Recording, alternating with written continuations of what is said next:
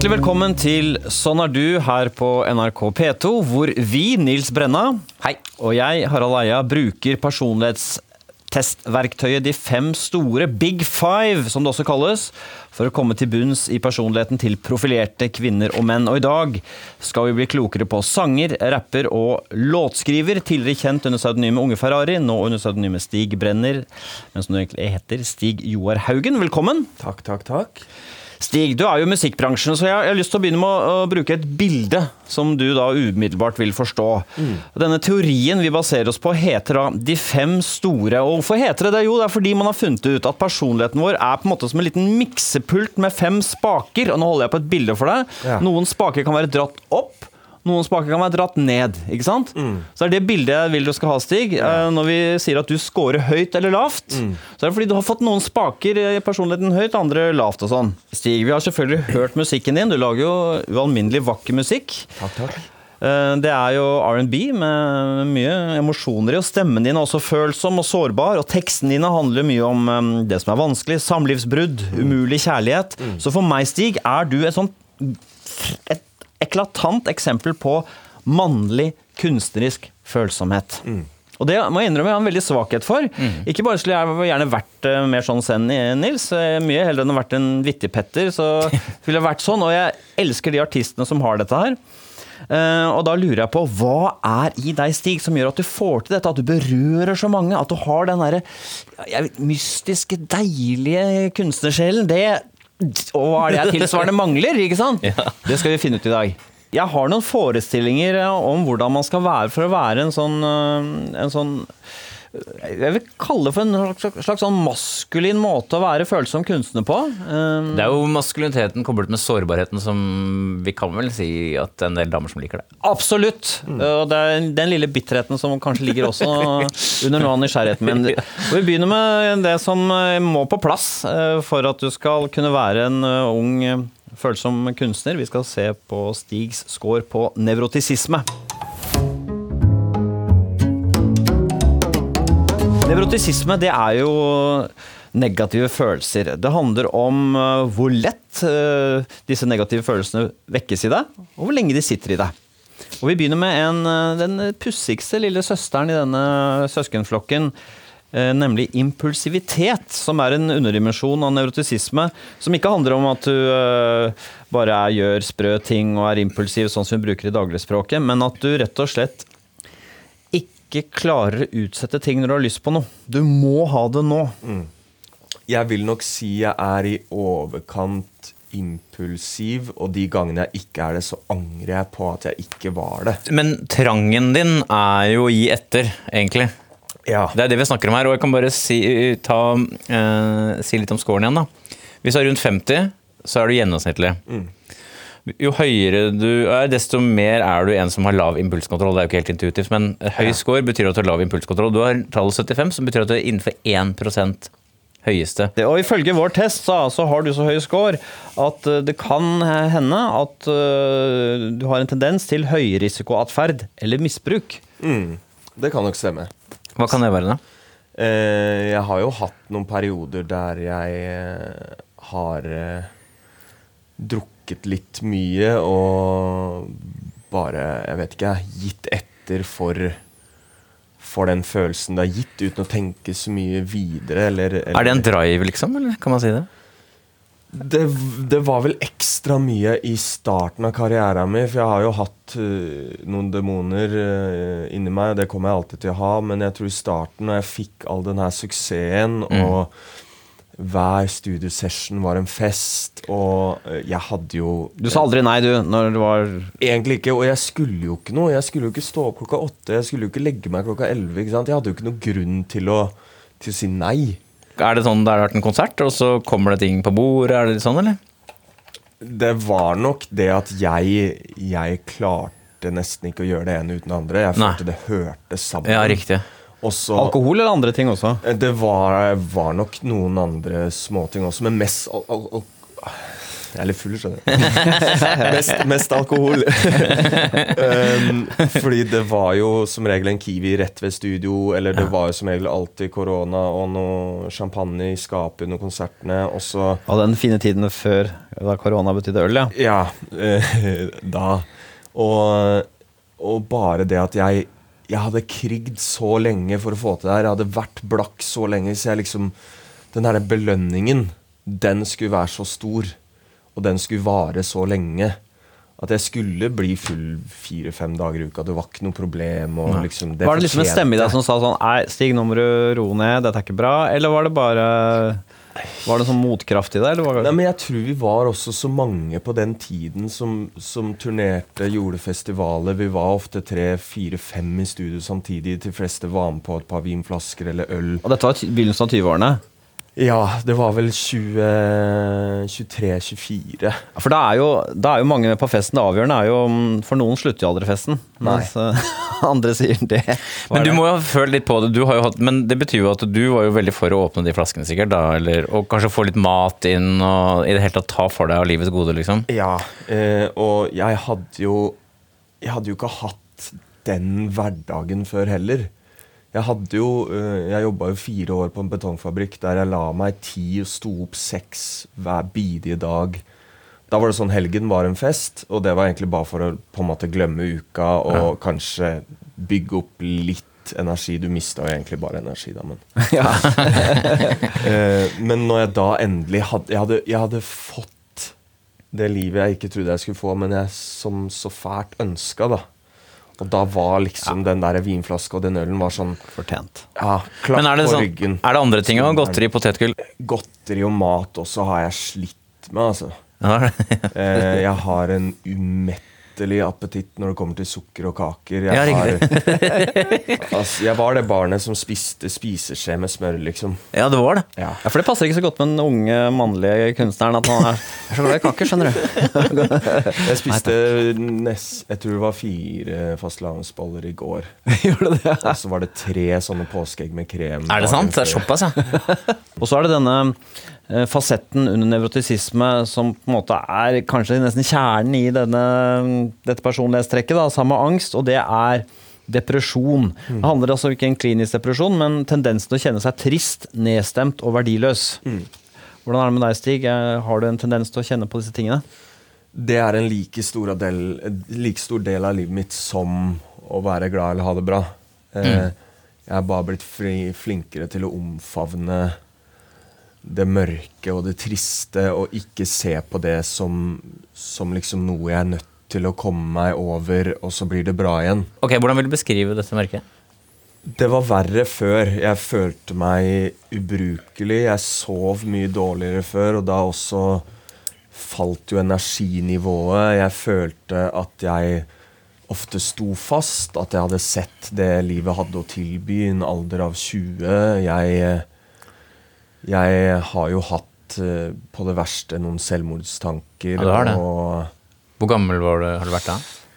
da var jeg vel først Det var så ille, så var jeg vel 18-19, tror jeg. Var, det noe som utløste det, eller? Det var et eh, Det var vel en kombinasjon av et forhold som gikk i vasken, og at jeg bodde i Hamar og hadde utrolig store drømmer som jeg følte bare ble kvelt mer og mer hver dag. da.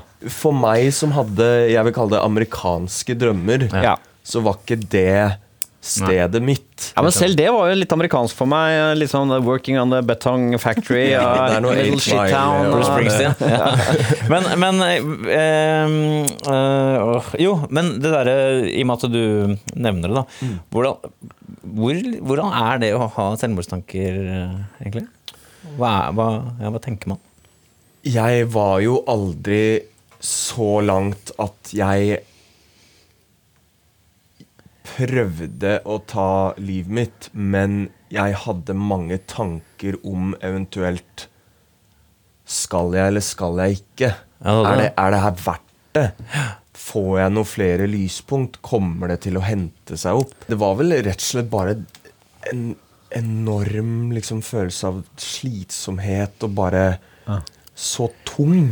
Ja, For det, det jeg lurer på litt der, er det, jeg, sånn som jeg ser for meg, er det, det ene er at det, det dirrer av ubehag, eller at det bare er helt sånn tømt og Tømt. tungt? Det er tømt, ja. Tømt, tungt og ja, bare grått. ja. Ingen, ingenting å se fram til, ingenting som I de øyeblikkene der da, som bare ga meg egentlig noe håp.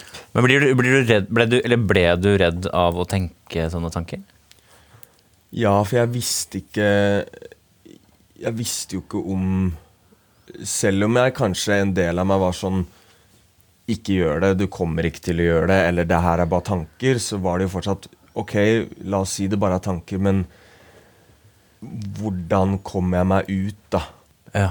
Uff a meg. Og da, meg. men det var, hvor langt unna følte du at det var Eh, det, var, det var noe i meg som, Ja. som Som ikke lot meg Altså, jeg dyppa Jeg vada i det vannet, da. Ja. Men det lot meg ikke Nei. gå hele kroppen. Ble, har du blitt skremt av det etterpå, hvor nære du var, eller følte du at du ikke kom til å gjøre det? Nei, mer av alt så er jeg utrolig glad for at jeg har følt den følelsen. Ja. Eh, det Hvorfor har, det, egentlig? Det har gjort meg veldig mye sterkere, og jeg føler jeg også har sett liksom et, et univers kanskje mange andre ikke har. Det er jo et veldig mørkt univers, men for min del så har det fargelagt ting mye annerledes i ettertid. Da. Hvordan har du kommet vekk fra den tilstanden der? Eh, det start- Hamar, kanskje? Ja, det starta med at psykologen min i Hamar sa 'bytt miljø', det er det første du må gjøre. Er det sant? Ja.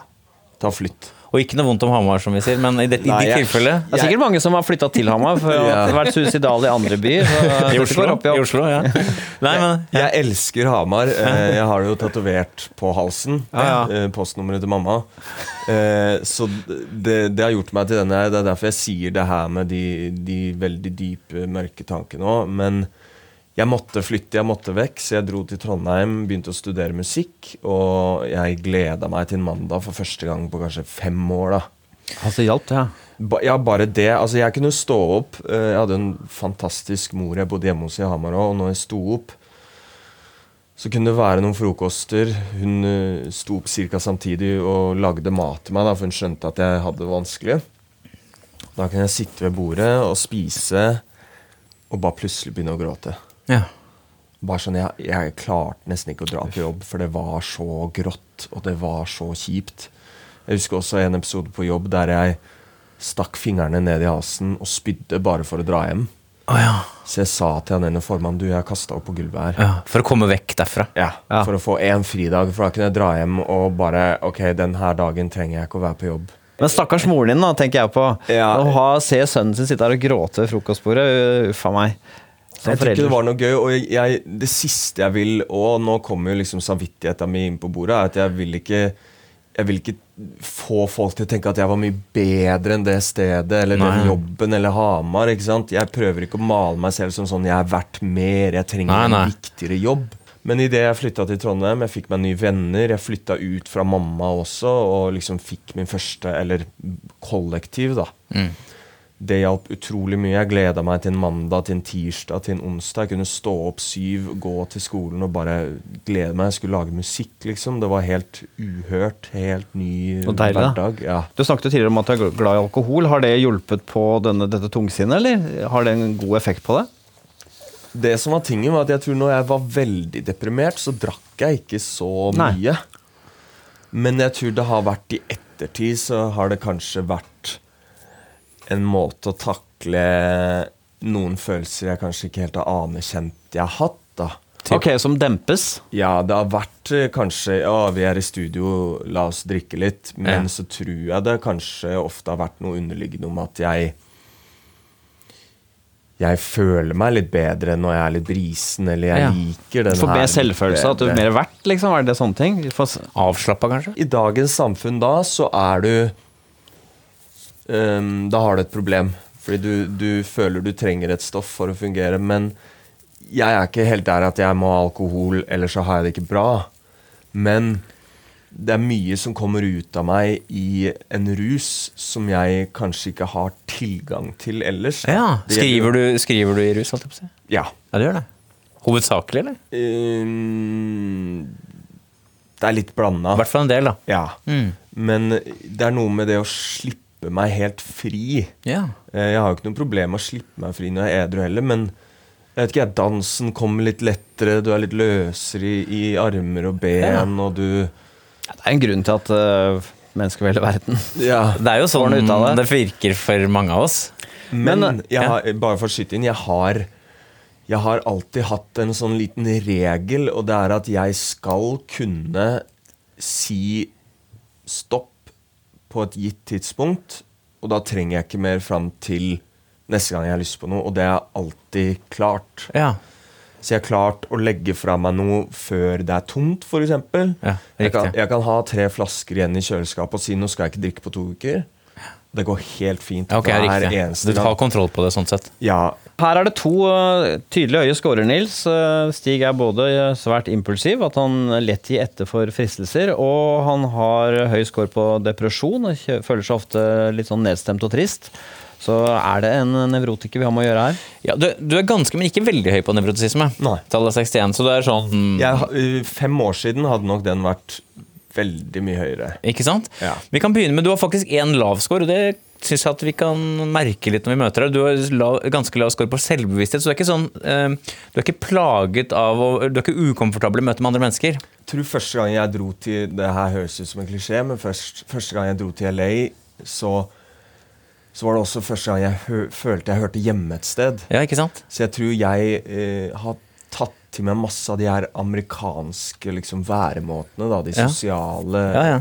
gode trekkene amerikanere Det har. falt deg lett å liksom bli amerikaner fordi du er Ja, du snakker lett med folk og Jeg elsker en, en liten liksom small talk med en eller annen fremmed på en eller annen butikk. Da kan jeg bare La oss prate i fem minutter, liksom. Fordi jeg, jeg setter pris på det her. da Jeg syns det er for lite av det. Ja, ikke sant? Og så er du da gjennomsnittlig på det som heter fiendtlighet. Du har sånn agg og grom som et annet vanlig menneske. Eh, Du takler eh, stress eh, omtrent som et vanlig menneske.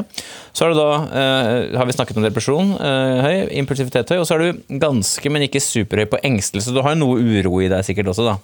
Så Nils, denne kunstnersjelen, at han er en nevrotiker, det er ikke så overrasket. Det er jo disse vakre, vare sangene forutsetter kanskje også et sånt følsomt sinn, da, ikke sant? Så neste trekk eh, i denne eh, buketten av egenskaper som skal til for å lage denne unge, følsomme, mannlige kunstneren, er, tenker jeg, at du scorer lavt på ekstroversjon.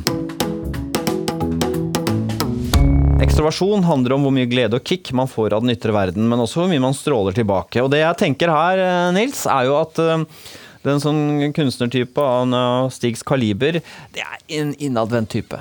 Eh, ikke sant? Sier ikke så mye, lukket. eh, det er et rikt indre liv, ja, men det er ikke sånn bajaseri og skravlekopperi. Og Vi begynner med den øh, underdimensjonen, en ekstraversjon, som handler om glede. Det heter positive følelser. Hvor mye positiv energi som du opplever, og med hvilken kraft og intensitet du uttrykker det. Har du mye glede i det? Jeg har nok eh, mye glede, og mye mer enn jeg har hatt før. Du har ganske høy score på positive følelser. For det er fullt mulig, og det er det ganske mange som har, som har høy score på depresjon, altså med tungsinn, men som ikke har begeistringen. Ja, Og det er litt kjipere. Men du har, ikke sant? Da er du jevnt nede, ikke sant? Men du har jo, ifølge testen, så har du evnen til å komme deg opp. Det tror jeg også er fordi jeg har klart å omfavne litt de her negative tingene. Jeg har ikke gjort det til en sånn stor, slem skurk i livet mitt. Jeg har heller vært Eller jeg, jeg er blitt flinkere på bare Vet du hva, i dag har jeg en dårlig dag, og det er greit. Det Ja. varer ikke evig. Jeg har hatt de før, og de kommer og går. Ja. når, du, når de går over, da, så går, du, så går du da i større grad enn mange andre opp. Hva er det som gjør deg glad, f.eks.? Er det sånn å sitte i studio, og så får du til et eller annet kjempebra skape noe for meg. Hva gjør du da? Klapper du hendene, eller bare? Nei, jeg, jeg hører på det og, og tenker Nå har jeg overgått meg selv, eksempel. Da. Da kjenner du sånn, en glød, en ja, sånn glede. ja, og da har jeg lyst til å lage en til. Ja. Og en bedre en, og en nyere en. Hvordan er denne gleden? Hvordan beskrive den? Jeg kan bli litt manisk. Oh, ja, hvordan da? Eh, jeg kan begynne å utbrodere den ideen til kanskje litt usannsynlige ting, da. Eh, hvis jeg fikk til noe bra, eller en låt, en skisse begynner å bli bra, så er det sånn Å, fy faen, la oss gjøre det. det, det den Ja. skal Ja. dit, og den skal dit. Da og- kommer glede, begeistringen, Ja. ta inn, invaderer deg, liksom. Og jeg tror noe som går igjen ved meg òg, er at jeg har tusen ideer. Eh, Jeg får kanskje til et par av de bra, men eh, det er også Jeg vil heller ha tusen ideer enn få, da. Men eh, jeg tror den gleden Ja, noe litt manisk, for jeg begynner å liksom da kanskje dra på litt for mye noen ganger. Jeg kan gå og synge litt mer den dagen, eller jeg kan uh, Snakker du til eh, kassadamen eh, på Kiwi, liksom? Du, hvordan går det her, og så Ja, litt, litt, mer, litt mer utadvendt kanskje den dagen det går bra. Ja, men, men, spør, Og- men spørsmål til det, fordi bare for å prøve å skjønne det. Du har eh, evnen til å gå ned, og du har evnen til å gå opp. Er, de liksom, er de i kontakt med hverandre? Er de på forskjellige dager? Hvor, Jeg har skiftet? begge på en dag plutselig. Jeg, Ja, det har det. jeg kan fort bli dratt ned igjen Ja. av en dårlig ting. La oss si eh, jeg skal slippe en låt, eh, gleder meg masse, bla, bla, bla. Eh, og så skjer det en ting feil. La oss si noen har driti seg ut på Sony, eller Ja. noen i managementet mitt, så det skjer noe En menneskelig feil, da. Ja. Da kan jeg fort bli sånn Er det mulig? Ikke sant? Jævla amatører, altså. Da går du ned. Da kan jeg gå ned, og da kan den gleden bli overskygga av at Ja. måtte det faen skje noe drit i dag òg. Det er veldig interessant, fordi det er veldig interessant fordi en høy på depresjon som du har, det er jo også, også, ligger jo også i det at man kan miste litt motet. Ja.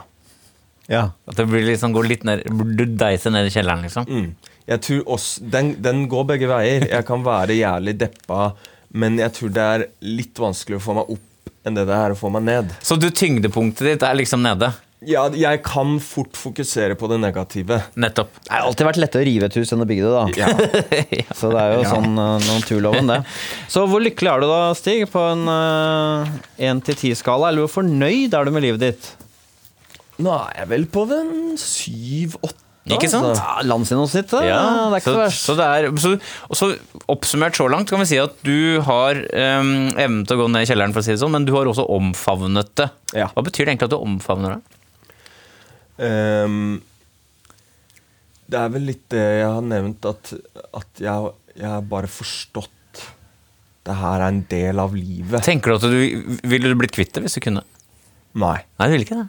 Fordi jeg hadde ikke vært på det stedet her, eller den, den fasen i karrieren, hvis det ikke hadde vært for de vanskelige tingene. En av mine største låter er jo faktisk en låt som handler om å ta livet sitt. Ja, det hva heter den igjen? 'Balkong'. Ikke sant? Ja, så jeg har, jeg har brukt det, og jeg har bygd opp en slags styrke da, av mine svakheter. Tenker du at det gir deg, hva skal jeg si, bruke et litt sånn pretensivt uttrykk, eh, kunstnerisk styrke? Ja. Ikke sant? Eh, jeg tror kombinasjonen av at jeg har vært nede, jeg kan få folk til å relatere, og kanskje mange andre tror av enda en fyr som melker og være litt deppa. Men jeg sitter jo ikke og liksom sier at jeg har hatt selvmordstanker bare for å, å, å gaine noen streams eller noe sånt piss. Eh, jeg har vært der, eh, og jeg tror også det hjelper og har hjulpet mange andre i å falle litt mer for musikken sin, nei, musikken min, og, og føle seg litt Og ha noe til felles med meg, da. Mm. Jeg har aldri forstått det der når folk sier det er melke til å være deppa, fordi jeg har lite tungsinn, men jeg er veldig glad i eh, sentimental, trist musikk. Jeg er veldig glad for at det fins. Det er ikke sånn at jeg tenker 'fy fader, så sleip'. Så jeg har alltid lurt på hvorfor det er så eh, Det er klart Hvis man hver eneste lansering har et eller annet trist man skal bekjenne, da Jeg tror mediene har den største skylden her, og det er det eh, publikummerne ikke forstår. Men du får som regel ikke en Lindmo eller en VG hvis du ikke har en kjip historie å fortelle. Og da tror jeg mange ofte føler, som bare er tilskuere, at å ja, enda en trist historie, så klart Ja, skal sånn, ja. bruke det for å selge den nye ja. låta si er eller den nye boka si. Det er den veien det går, er behovet til mediene. Ikke at du selv sier 'hei, kan jeg komme på litt Nei. mer?' Forteller om at søstera Det mi tok gjør jo nesten ingen. Nei, nei, det er riktig. Men jeg kan si da, i sum da, på det som heter ekstraversjon, altså hovedområde nummer to etter nevrotisisme, så er du faktisk ganske høy. Du er jo sånn sett definert som en ekstrovert fyr. Bare for å ta da, Du har ingen lave scorer på ekstraversjon. Nei. Du har gjennomsnittsområde, normalområde på sosialitet. Du i sosiale behov som et annet eh, menneske. Du har gjennomsnittlig høy score på selvmarkering. Det er relativt tydelig til stede. Du har snitt mot høy score på aktivitet. Det betyr at du er ganske energisk. Og så er du da høy på positive følelser, som jeg snakket om. Du er høy på varme, altså sånn nærhet. Snakker lett med folk, liker smalltalk, ikke sant. Amerikaneren i deg der, vet du. Amerikaneren. Kobla med den lave selvbevisstheten, som ikke, ikke, gjør deg noe plaget. Og så er du da høy på spenningssøking. Oppsøker du spennende situasjoner? Ja, Typ. jeg gjør det. typ. Jeg, jeg klatra veldig mye når jeg var liten, kanskje litt høyere enn jeg burde. Ja, sånne ting. Ikke? Jeg eh, hang fra litt høye ting. Jeg burde gjort høyere ting. Jeg hadde en moped når jeg ble 16 som var trimma, og det var bånn gass overalt. Første dagen jeg hadde lappen, så var det inn i en rundkjøring i 80. Det kommer en bil, jeg låser forbremsa og krasjer som faen. Holdt på å bli påkjørt.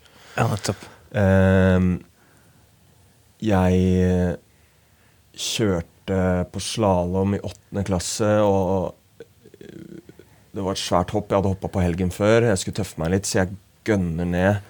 Hva?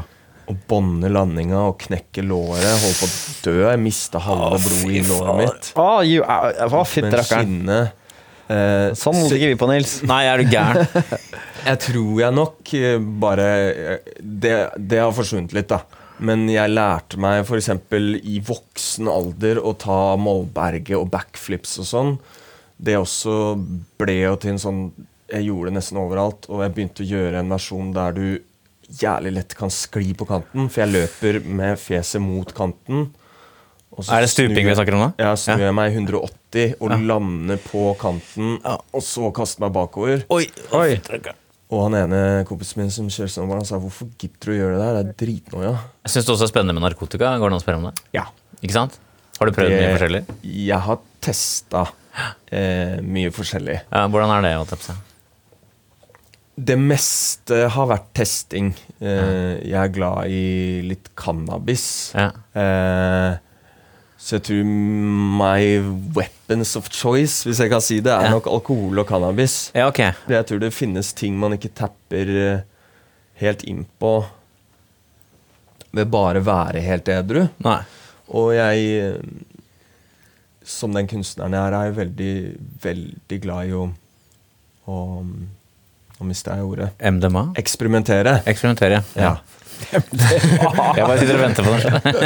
ja. Eh, Ja. Og så føler jeg at livet er litt for kort. Jeg, jeg går jo ikke til å ta heroin, liksom. Det, jeg har en grense, men en del av meg er jo litt som det vi er inne på her, veldig, veldig keen på å finne ut hva skjer. Ja. Hva er greia? Hva snakker de om?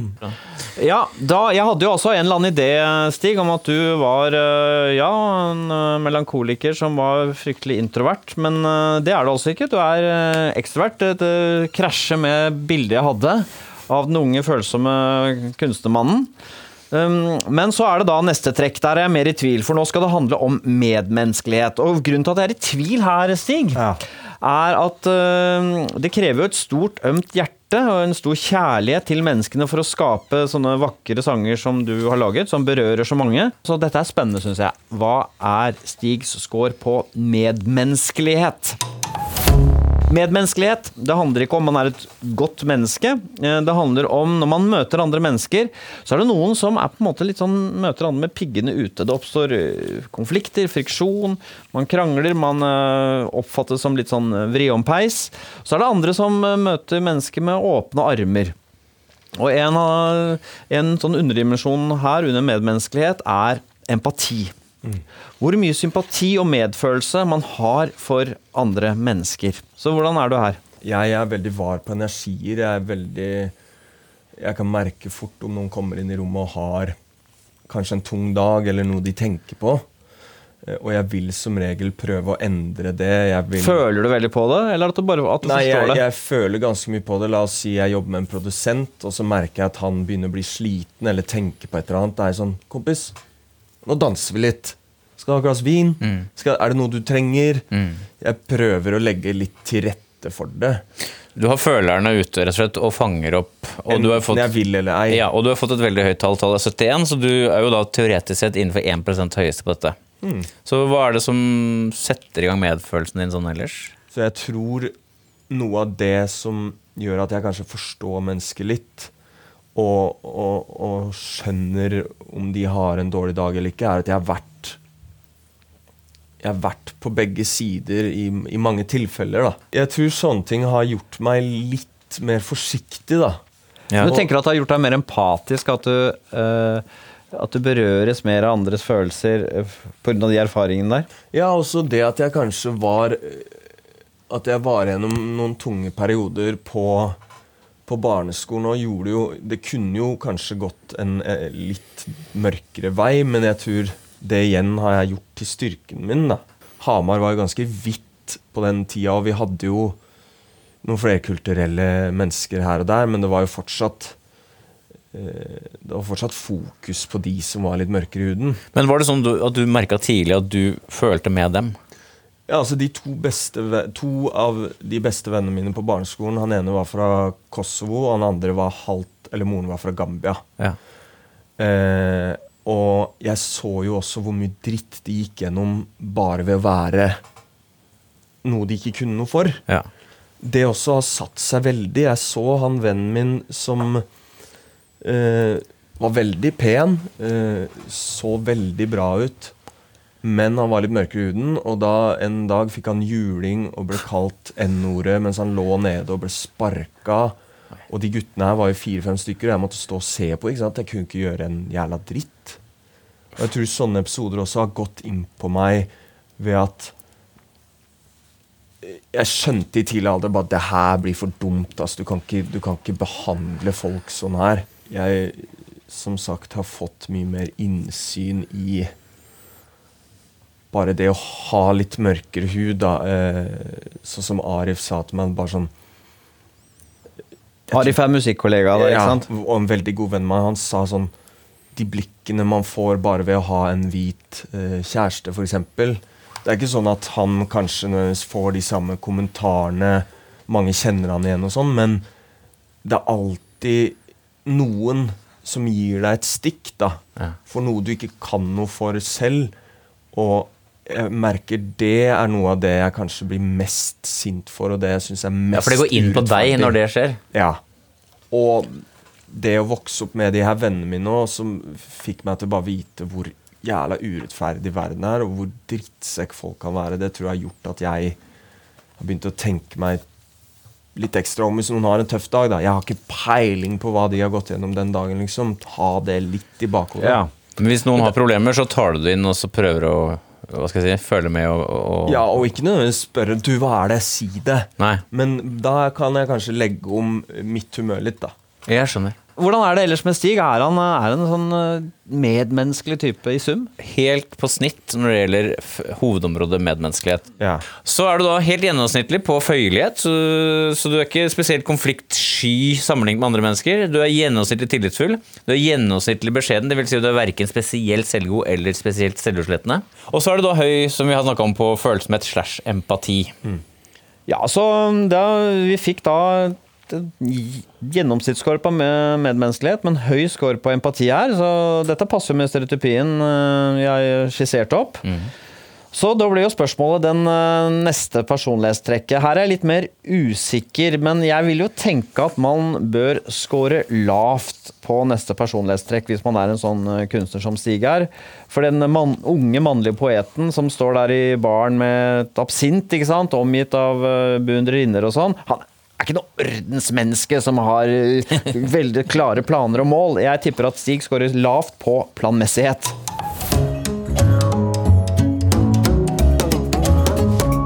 Planmessighet det handler om viljen og drivkraften til å prestere for å oppnå sine mål. En viktig underdimensjon under planmessighet er det som heter selvdisiplin. Evnen til å påbegynne og fullføre oppgaver til tross for kjedsomhet og distraksjon.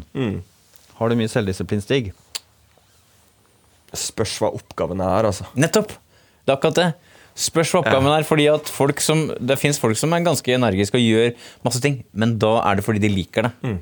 Hvis du har høy score på selvdisiplin, så er det litt sånn uavhengig om du liker det eller ikke. Så det du svarer der, tyder på lav score på selvdisiplin. Og den er tydelig lav, den er 30. Så, det, det, så det å skulle stå i noe som er kjedelig, da, og fullføre det, hvordan skulle det vært for deg? Uh, det her er jo litt de tusen ideene jeg har, og tre av de gjennomfører jeg. Men er ideene morsomme nok, så, så blir det gjort. Hvis du tenker på musikken din, da, er det sånn at hadde du hatt høyere selvdisiplin, så hadde du kunnet hva skal jeg si, gjennomføre og lage flere ting? Ja, men si det sånn. Den kjedelige delen med musikk kan være du må poste den her annonsen på onsdag og fredag. Nettopp. Da kan det gå til fredag, så får jeg en melding 'Hvorfor har du ikke posta ennå?' Nettopp. Hva det som skjer? Hva betyr egentlig poste i den sammenhengen? Instagram, da, la oss si Ja. det er Jeg gjorde et samarbeid med noen som selger brukte telefoner. Ja. Og da var det en, en post jeg falt ut noen dager på. For da er det at det er dritkjedelig. Jeg, jeg, jeg utsetter det hvis jeg gruer meg. Nettopp. Og synes det er kjedelig. Jeg hadde en gammel bunke med regninger jeg klippet i stykker her om dagen fordi jeg, jeg vet at jeg har betalt alle. Men idet jeg begynte å tjene penger, så hadde jeg eh, kemneren på ryggen. Det var Ja. like før Hvorfor det? politiet ble innblanda. Hvorfor det? Fordi det har bare sklidd ut. Jeg bytta adresse. Eh, tanta mi, som jeg bodde hos, fikk fortsatt de gamle Gjett om regningene. hvem det er har hørt disse historiene. vet du. Sånn, Tanta mi fikk det. Det er ikke min feil, det ble sendt. Så du, men det er jo litt, dette er jo uttrykk for litt lav plikttroskap. Da ikke betale regninger, f.eks. Men idet jeg hadde litt penger Det første Ja. jeg gjorde, var å slette hele studielånet. Ja, du gjorde det? Ja. Så jeg, jeg, Jeg trodde du skulle si sånn betale kemneren, ja, men det var studielån du sletta først. Ja. Ja, men det var kemneren det hadde gått til. Oh, ja, Ja, nettopp, ja, ja. ja, Ja. Så jeg, jeg kan utsette ting i kanskje eh, det lengste draget, men når jeg først er sånn Ok, nå er jeg nødt til å gjøre det, så som regel ni av ti ganger får jeg det unnagjort. På faktoren planmessighet så er du da ganske, men ikke veldig lav. Du er litt lav score på Eller du har lav score på selvdisiplin, som jeg snakka om. Så har du litt lav på plikttroskap, som du var innom ved å snakke om de regningene. Så har du normalområdet touch av lav på betenksomhet, som vil si at du av og til kan handle litt eh, uten å tenke deg om. Så er det gjennomsnittlig på orden, du er ikke spesielt rotete ifølge testen. Og så er du da ganske høy på prestasjonsdreven, så rommer det ambisiøse, som er liksom den sterkeste kraften her, kanskje. Den er du ganske høy på. Så du har en viss retningssans og en viss ambisiøsitet, for å Du si det sånn. vil bli god. Du vil bli best. Ja, jeg tror også det skiller meg fra en del andre artister i, i Norge. Um, Hvordan merker du det? Det jeg merker, er at det er mange artister som kommer med kanskje en god singel, og så tenker du 'fy faen, det her låter bra, jeg gleder meg til neste', og så forsvinner det i et halvt år. Ja. Og det kan være mange grunner. Det kan være personlige ting. Det kan være eh, Ok, hun fikk en baby. Jo, ja. Han måtte flytte hjem og ta seg av en, eh, en far, skjønner du. Jo, jo, men du, men du har også hatt dine problemer, men allikevel så har du jo stått hva er det du vil, Hvordan vil du beskrive din egen retningskraft sånn sett, sammenlignet med disse? Idet jeg fikk fart på karriera, så var det ikke snakk om at jeg skulle ha ett øyeblikk der jeg står og lurer på hva faen gjør jeg nå? Nettopp. Og jeg tror jeg er tre steg foran i hodet mitt. Mm. Og det har hjulpet meg utrolig mye ved å bare Jeg vet at når jeg er ferdig, så skal jeg dit og dit, og Ja, jeg må gjøre det, og nettopp, jeg må få ting. det nå. Jeg har ikke jobba med den og den personen. Jeg har ikke lagd en sånn type video. Du er ikke planløs, ikke sant? Nei. Jeg tror det jeg har lært meg, er at jeg må ha såpass mange ideer at eh, rett og slett noen blir bra. Mm. Men du har den bevisstheten på det. Ja, og, Men det jeg har lært meg med låter òg, at du kan ikke pushe en dritfin låt og, og si i dag skal jeg gå inn og lage neste singelen min. Du må lage 1000 låter. Nettopp. 20 av de blir bra. Herregud, dette er jo mitt mantra. Kvantitet blir kvalitet. Ja. Og det har jeg lært meg med ideer òg. Jeg, ha- jeg har masse gode ideer. Jeg, jeg dypper litt innom alle, og så blir par av de gjennomført og bra. Nettopp. Det er, sånn, det er akkurat sånn Det er sånn det er i naturen òg, Nils. Eh, naturen spyr jo ut individer, nesten alle dør. Så overlever noen få. Ja. Vel, eh, jeg eh, har jo truffet litt og tatt en del feil, men jeg kan vel, må vel si at det er ikke noe særlig oftere enn et myntkast omtrent. da. Hvis mine fordommer skal være riktige, og nå møter de liksom sin, virkelig sin store test her, når vi skal se hvordan Stig ligger an på personlighetstrekket åpenhet for erfaringer.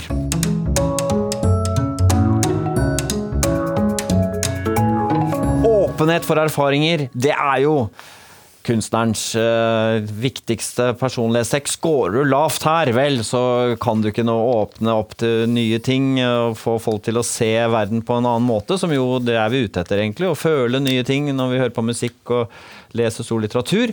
Og vi begynner med den underdimensjonen som heter åpenhet for ideer. Det er jo ikke akkurat det man tenker på preger musikere, egentlig, men det er en intellektuell nysgjerrighet. Er man opptatt av eh, filosofiske ideer, eh, mer sånne abstrakte, på en måte unyttige eh, teorier om eh, hvorfor verden er som det er, så scorer man høyt her. Hvis man er mer praktisk anlagt dette vet jeg, disse beatsene, Da vet jeg folk begynner å danse. Aner ikke hvorfor, driter i det, men det funker i hvert fall.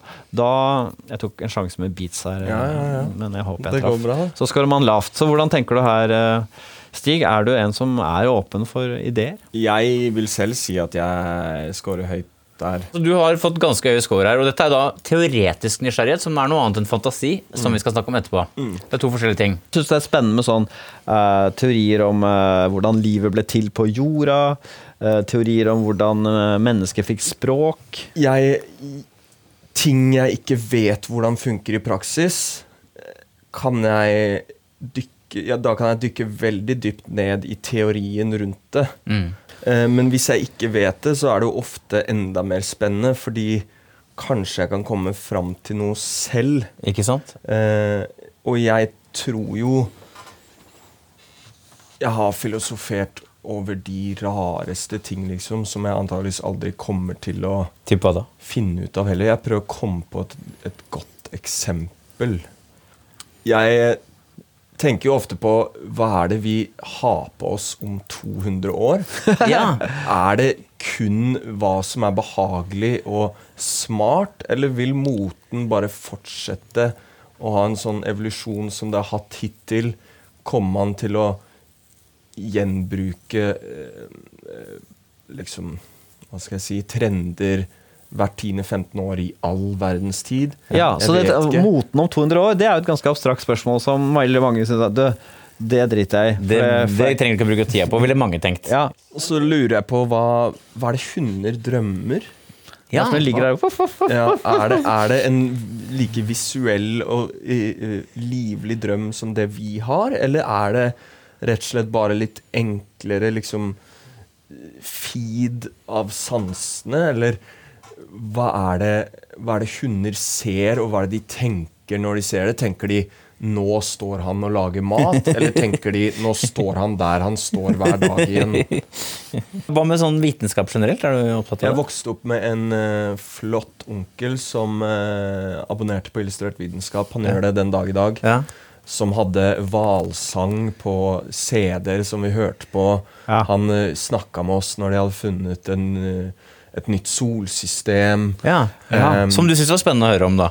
Ja, og utrolig Utrolig fint å ha det når jeg var så ung òg, fordi jeg, jeg lærte om det utenfor Hamar. da. Ja, ja, ja. For å si det forsiktig. Eh, jeg kunne også Onkel, mener du det solsystemet? Er det, er det ikke Hamar? Er det det du sier? Men vi har, eh, vi har et nabolag i Hamar som heter Melkeveien. Så det er like Ah. Ja, nettopp, ja. Jeg kunne legge meg eh, Det kan jeg også gjøre den dag i dag. Legge meg på enten en gressplen eller oppå et tak og bare sitte og se på stjernene og tenke Fy faen, vi flyr rundt i 200 000 km, og folk mener at det her er fake. At himmelen er noe Gud har lagd. Og at vi er en sånn tallerken. Ja, ja, ja flat eh, jord eh, Ja, Ja, ja, ikke ja. bare flat jord, men religion også. da At liksom Gud har pynta en sånn herre Et sånn kunstverk over oss. Og, og for det første så tenker jeg vitenskap er ekte. Eh, og for det andre så tenker jeg det er så mye der ute, samme havet, samme hjernen, som vi ikke vet, og som er så jævlig spennende. Vi har, vi har jo toucha litt innom det, fordi åpenhet for erfaringer er, har jo en del underdimensjoner, men de, de, de er jo i slekt med hverandre. Eh, Så når du snakket om åpenhet for ideer, så kommer du vel nesten inn på neste underdimensjon også, nemlig fantasi. Altså kreativitet og forestillingsevne. Ikke sant? Skårer du lavt, så liker man ikke å snakke om ting som ikke fins. Um, det være seg da moten om 200 år, eller eh, om hvordan det ville vært hvis dinosaurene ikke ble utrydda, uh, f.eks. Skårer du høyt, så har man da en levende fantasiliv og, liker å kanskje dagdrømme. um, tenke ut detaljer i disse dagdrømmene. Da. Og hvordan er det med deg? Jeg, jeg tipper altså du er ganske høy her, det. Høy på fantasi. En låt, en låt jeg ikke har skrevet ennå, men som jeg skal få til, er Hvis en komet treffer jorda, hadde vi fått beskjed. Om NASA hadde vært villig til å dele den informasjonen? Eller La oss si at den er så stor at de med garanti og sikkerhet kan si den her kommer til å utslette oss. Å ja. Hadde vi fått vite det, det hadde blitt mer kaos, tror jeg, om vi hadde fått vite det. Det er best å holde kjeft om det. Best å holde kjeft. Nettopp. Vi ville ant noe hvis NASAs toppfolk Vi skal bare ned denne hulen. Eh, Ikke sant? Forsvinner fra kontoret sitt sakte. der er det ingen Men det hadde jo ikke vært noe vits, det hadde jo ikke vært noe vits i å få vite det hvis det uansett ikke gikk, kanskje? Noen ville nok ha fått den informasjonen, fordi det var sånn Å, nå skal jeg gjøre siste ting på bucketlista mi. ja. Men da er låta mi litt sånn Hva hadde vi fått beskjed, er det store spørsmålet. Mm. Og la oss si jeg hadde fått vite det. Hva gjør jeg med de her siste dagene eller ukene? Du har kjempehøy score på fantasi, tallet er 72, innenfor 1% Så her, er, må, her må det jo være mye ved deg som er skapende, da, for å si det sånn. Hvordan er det du, hvordan er det du bruker det i jobbsammenheng, f.eks.? Fantasien din? Så godt jeg bare kan, egentlig. Jeg, eh, jeg må jo prøve å gjøre en låt eh, gøy å høre på. Jeg er veldig fan av konseptuelle låter, litt som Den kometen eller Balkong. Altså, du, du, du bruker et ord eller en setning, og du utbroderer så mye du kan innenfor det det landskapet der, da. Jeg la merke til en ting da du sa denne ideen du hadde til den låta med kometen. ikke sant? Som om de vil si ifra eller ikke hvis den skal treffe jorda. Og så sa jeg at det er vel litt sånn dårlig tegn hvis NASA-folka plutselig har stukket ned i, i hver sin hule. Og da var du, det hørte jeg, du, du fullførte ikke setningen for jeg avbrøt deg, men du, du beskrev kontorene, at de var tomme. Og det var veldig tydelig for meg. Det er et menneske med høy fantasi. Allerede gått dit. Ja, og kontorene, og det står kanskje til og med døren står og slår litt, ikke sant? og papirene er spredd utover, og kaffekopper er veltet. Du ser allerede for deg det så tydelig. Det er for meg en sånn der typisk høy fantasi. Ja, det gir mening, ja. Det har vært lett å skrive et filmmanus sammen, da, for det er det som er vanskelig med film og TV, er jo å sitte på kontoret og sk skrive og visualisere de scenene. De færreste klarer jo det. De bare ser en mann som kommer i et rom, og det rommet er helt tomt. Og da, hva har den på seg? Nei, noen klær? Sant? Du må beskrive det. Alt, alt det må liksom på plass. da. korona i det siste har gjort ting litt rart for hodet òg. Jeg får ikke like mange impulser Nei, som før. Men eh, eh, jeg gleder meg f.eks. til til eh, gaming, og jeg fantaserer mye om hvordan gaming og generelt filmopplevelsen er om 5-10-15 år. da. Hva ser du for deg da, f.eks.? For det første så tror jeg det blir enten en prosjektor som fyller hele rommet, så du kanskje setter sofaen midt i, Ja. og idet personen foran deg løper gjennom en jungel, da, så ser du de her plantene fyke forbi deg. Ja. Og du kan snu deg i sofaen, og så ser du også det personen løper fra, som kanskje jager personen Ja. bak den. Taket er himmelen. Eh, og jeg tror gaming også vil bli mye av det samme. Eller det med briller, og putte det på seg. Og jeg tror da også at man vil sakte, men sikkert gli inn i en helt ny væremåte. I en eksempel. Jeg ser en film, og så, og så går jeg hjem, eller hvis jeg har sett på kino, det er lenge siden, da, men jeg ser en film. Jeg begynner å google alle skuespillerne, jeg begynner å se intervjuer, jeg begynner å finne ut hvor er andre ting de har vært med. Jeg blir glad i de, jeg blir sånn Kommer det en ny en? Kommer det noe mer? Jeg lever meg veldig inn i det. Eh, Avatar, når den kom, tror jeg så tre eller fire ganger på kino. Og jeg hadde rett og slett en litt sånn postdepresjon. Fordi den rørte noe i meg. Og, og det var hele tiden det her faktum at Stig, det er ikke ekte. Denne verden fins ikke. Ja, det, Men jeg hadde så lyst. Ja. Og jeg tror ettersom tiden går nå, og år for år, så vil det bli til slutt nesten helt virkelig å kunne gå inn i sånne steder Ja. og bli der så lenge du vil. da. Men det må ha vært for den, den filmen deg, det, For deg, den filmen der, Stig. Det må, du må ha sett deg selv. Han som ikke har så bra liv på jorda, aka Hamar. Eh, som så får tilbud om å gå inn i en ny tilværelse. Når kom den? 2010? Ti, tenker jeg, ish. Ja, og det var da jeg var eh, Det var rett f før jeg, flyt, jeg flytta til Trondheim 2011. Ja, det er jo spot on ditt Ja. eget liv! Ja. Kan du meg- bekrefte? Det har jeg ikke tenkt på før, faktisk. Men kan det stemme?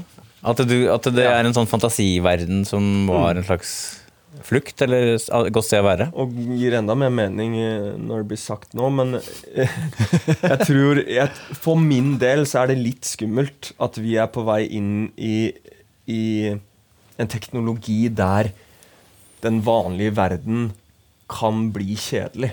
Bare for å oppsummere den eh, faktoren der, så er du er da et svært åpent menneske. Ikke sant? Du er en, dette er jo veldig kunstnerisk, som vi har vært inne på, tenker vi, Harald. At man, er liksom, man har veldig sånn åpne porer, åpne øyne og ører ut mot verden. Vil liksom ta inn ting. Eh, Kjempehøy score. Du har ingen lave scorer. Du er gjennomsnittlig høy på handlinger, som betyr at du er en sånn blanding av variasjon og rutine. Du er svært høy på fantasi, som jeg snakka om. Høy på ideer, som jeg snakka om, altså teoretisk nysgjerrighet. Du er høy på følelser, ikke så overraskende. Emosjonalitet. Du er høy på estetikk, som er kunst og kultur. Det er ikke så overraskende når du er i bransjen. Og så er du høy på verdier, som betyr at du er tolerant og liberal. Så er du da et svært åpent menneske. Og bare for å ta Hvis du har høy score på ideer, da, teoretisk nysgjerrighet, så er jo baksiden eh, av den for noen at man er rar. Der man selv er undrende, så er man for noen rar. Jeg har aldri vært redd heller for å skille meg ut. Jeg husker på videregående Plutselig en dag så gikk jeg med en hvit linse på det ene øyet. Ja. Bare fordi. Ja. ja. Og jeg fikk så mange rare blikk, men de blikkene for meg var mer sånn Vet du hva, fuck dere. Jeg skal ha på meg den linsa her i dag. Jeg ser nesten ikke noe med den. Men, det eh, svidde som faen, og klør og... det er det verdt. Det er- ja. Det kjenner jeg meg veldig igjen i at jeg kommer fra Rykken, eh, et sånt forstad utafor Oslo, ligger i Bærum. Og der var jeg, jeg var en raring der, en nerd, men når jeg kom inn til storbyen, så var jeg en kul fyr. Så det er jo fordelen for oss som er høy på åpenhet, at uh, vi, i byen så er det mer, har mer sans for det, da. Jeg vil heller skille meg ut og bli stempla som rar enn å mm, blende inn i mengden og så bare eh, komme meg gjennom dagen, på en måte. Jeg har alltid oppsøkt en eller annen reaksjon, hva enn det måtte være. da. Ok, Stig, du har, vi har nå gått gjennom alle fem eh, personlighetstrekkene i denne miksepulten din. Vi skal nå forsøke å samle trådene og se i hvilken grad eh, passer du med denne da, hva skal vi si, myten eller fordommen om den unge mannlige følsomme kunstneren.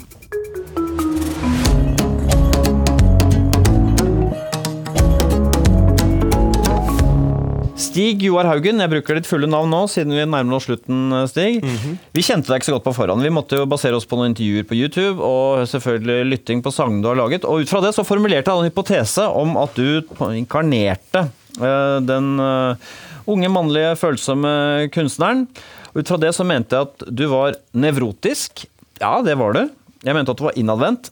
Nei, det tok jeg feil. Medmenneskeligheten mente jeg var uh, høy. Ja, på, no, på empatien i hvert fall. Jeg mente at du ikke var planmessig, og det var også litt sånn blanda resultater her. Det var en høye score, kom inn på det.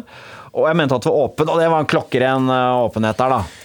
Ikke sant? Og det er jo da sånn sett øh, den, de, de liksom plagede følelsene, som tross alt er mindre enn de kanskje var, men som fortsatt er der, tilgangen på det, og denne åpenheten. Så det er det tenker jeg også. Vi skal finne liksom nøkkelen til eh, den kunstneren du tross alt er. Da. Jeg vet ikke om du liker å ta et sånt ord i din munn, men eh, for oss er du det. Og det er jo, du har mye negative følelser, og du er åpen for følelser. Du har sant for det vakre. Sammen med det at du vil bli best. Ja, ikke sant? For det som du selv var inne på, du har jo den retningskraften. Du skal et sted. Dit og dit, som du selv Og, sa. og jeg tror mange også kan mistolke Jeg kan godt si jeg vil bli best rett ut òg. Jeg tror mange vil mistolke det som Du må ikke tro du er bedre enn andre, men jeg vil bli den beste Stig, og jeg vil kunne gjøre det jeg gjør, så sykt bra jeg bare kan, da. Ja, og bare for å ta pirke litt i det. Hadde du hatt kjempelav score på beskjedenhet, så ville du tenkt at du var bedre enn andre, men der er du ikke. Nei. Nei, Jeg- du, du vil bare bli best mulig Ja. for deg. Ja, du vil ikke bli best ved å drive og slå andre ned heller. Nei. Eh, og jeg kan nok ha no, til tider noen sånn Det var dårlig, jeg klarer bedre, men jeg føler ikke det kommer fra et sted der jeg prøver å heve meg over det heller. Det er mer sånn analytisk. At jeg ser over visse ting og ser Det kan være en smakssak òg. Jeg tar det tilbake til låter og kanskje valg man gjør, men det er sånn Faen, hadde du gjort det der, så tror jeg låta hadde blitt litt bedre. liksom. Det er jo interessant, fordi du har, den høye scoren på ideer, altså teoretisk, teoretisk nysgjerrighet, tilsier også at du er analytisk, og det er det du sier at du er. Du er analytisk. Du går gjennom og ser gjennom uh, veier mye opp mot hverandre, og det har jeg lært gjennom musikken òg. Fordi man begynner jo å analysere ting når man ser hva har gått bra, hva har gått dårlig, Nettopp. hvorfor skjedde det hva Ja, for det er sånn, det er ikke bare sånn at du bare Jeg ser meg ikke tilbake, du går gjennom og Ja. Og jeg prøver jo prøver å gjøre låter så bra at jeg ikke har lyst til å fjerne den om to år. Nettopp. Jeg vil kunne stå for den, selv om den kanskje er cheesy eller hva enn. da. Men eh, helt til slutt, jeg har lyst til å spørre, du er jo runda 30 nå. Det er jo på en måte slags da, da setter personligheten seg, men det er også da man for første gang skjønner at ok, nå er jeg voksen, nå er jeg ingen unnskyldning lenger. Um, og jeg har sett at du har, liksom, du har sant, blitt kalt unge Ferrari, så syns du det tydeligvis ikke var noe interessant lenger. Så var det Stig Brenner, jeg vet ikke hvor mye du går inn for det, men du kjenner vel på at eh, disse navnebyttene kanskje, kanskje du syns det er noe barnslig ved det, ikke vet jeg, men at det liksom ikke gir deg så mye lenger. Akkurat som det er en måte å være på som på en måte kler den unge mannen, men hvordan skal du bli 40 år? Hvordan skal du bli 50 år med den personligheten du har, Stig? Har du tenkt noe på det? Ja, det må du tenke på, du som har så høy fantasi. Hva- Ja, Du får oppgave nå. Hvem er Stig som eh, 50-åring? jeg har jo fått høre du kommer til å ende opp 70 år og enslig. Ja, folk sier det. Er det damer som sier det, eller? Ja, Men damer. ja, de truer med det, så bli sammen med meg. Jeg har merka Folk kan godt arrestere meg på det her, men jeg, bare de siste tre årene da, så har jeg blitt mye tryggere. Jeg føler jeg har begynt å ta tak i ting litt mer som folk kanskje sier til meg. Jeg har begynt å tenke enda litt mer over hva jeg gjør, så jeg tror den veien jeg har begynt på nå, vil nok gjøre at hadde vi gjort det her gjennom fem år, så tipper jeg og håper, krysser fingrene, at jeg er enda litt lettere kanskje i, forhold og sånne der situasjoner å ha med å gjøre, da. Ja, er mindre sær, ja. Ja. Tusen takk for at du kom, eh, Stig. Det har vært veldig interessant å Jeg har kost meg. Jeg eh, tar det her eh, Jeg skulle bli Jeg skulle begynne med å gå til en terapeut eller en psykolog etter albumet mitt var ferdig. Så der tar jeg som en start på den veien.